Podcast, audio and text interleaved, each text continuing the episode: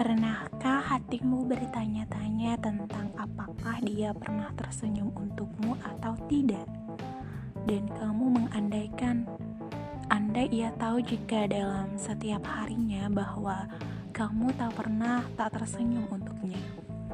Jikapun ia tersenyum untukmu, apakah ia selalu memberitahumu jika ia tersenyum?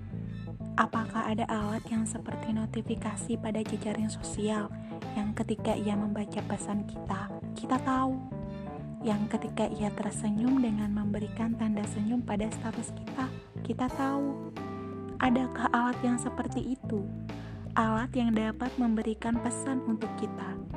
Jika pada malam ini, tepatnya pukul 8 malam ia memikirkanmu dan tersenyum untukmu, aku yakin tidak ada kecuali nanti ketika dia telah menjadi milikmu dengan seutuhnya.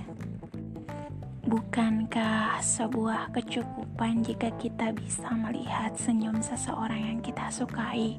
Dari balik senyumnya, kita bisa mengetahui bagaimana begitu baik hati orang tersebut. Dan pernahkah dengan tanpa sadar kita ikut tersenyum jika melihatnya tersenyum? Tidak ada yang menyuruh, bukan? Tidak pula ada yang memerintah melainkan itu adalah kehendak hati kecilmu. Jangan kau tahan, jangan pula merasa malu jika senyummu kalah indah dengan senyumnya. Karena apa? Karena dengan atau tanpa sadar pun ada seseorang yang lain yang dengan baik menjadikanmu sebagai alasannya untuk tersenyum. Kamu tersenyum untuknya, dan di sebelahmu ada seseorang yang tersenyum karenamu.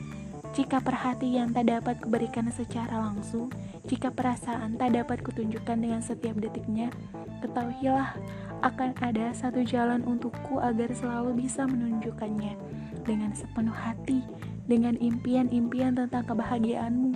Dalam lima waktu talalah ku ikut sertakan selalu namamu di dalamnya.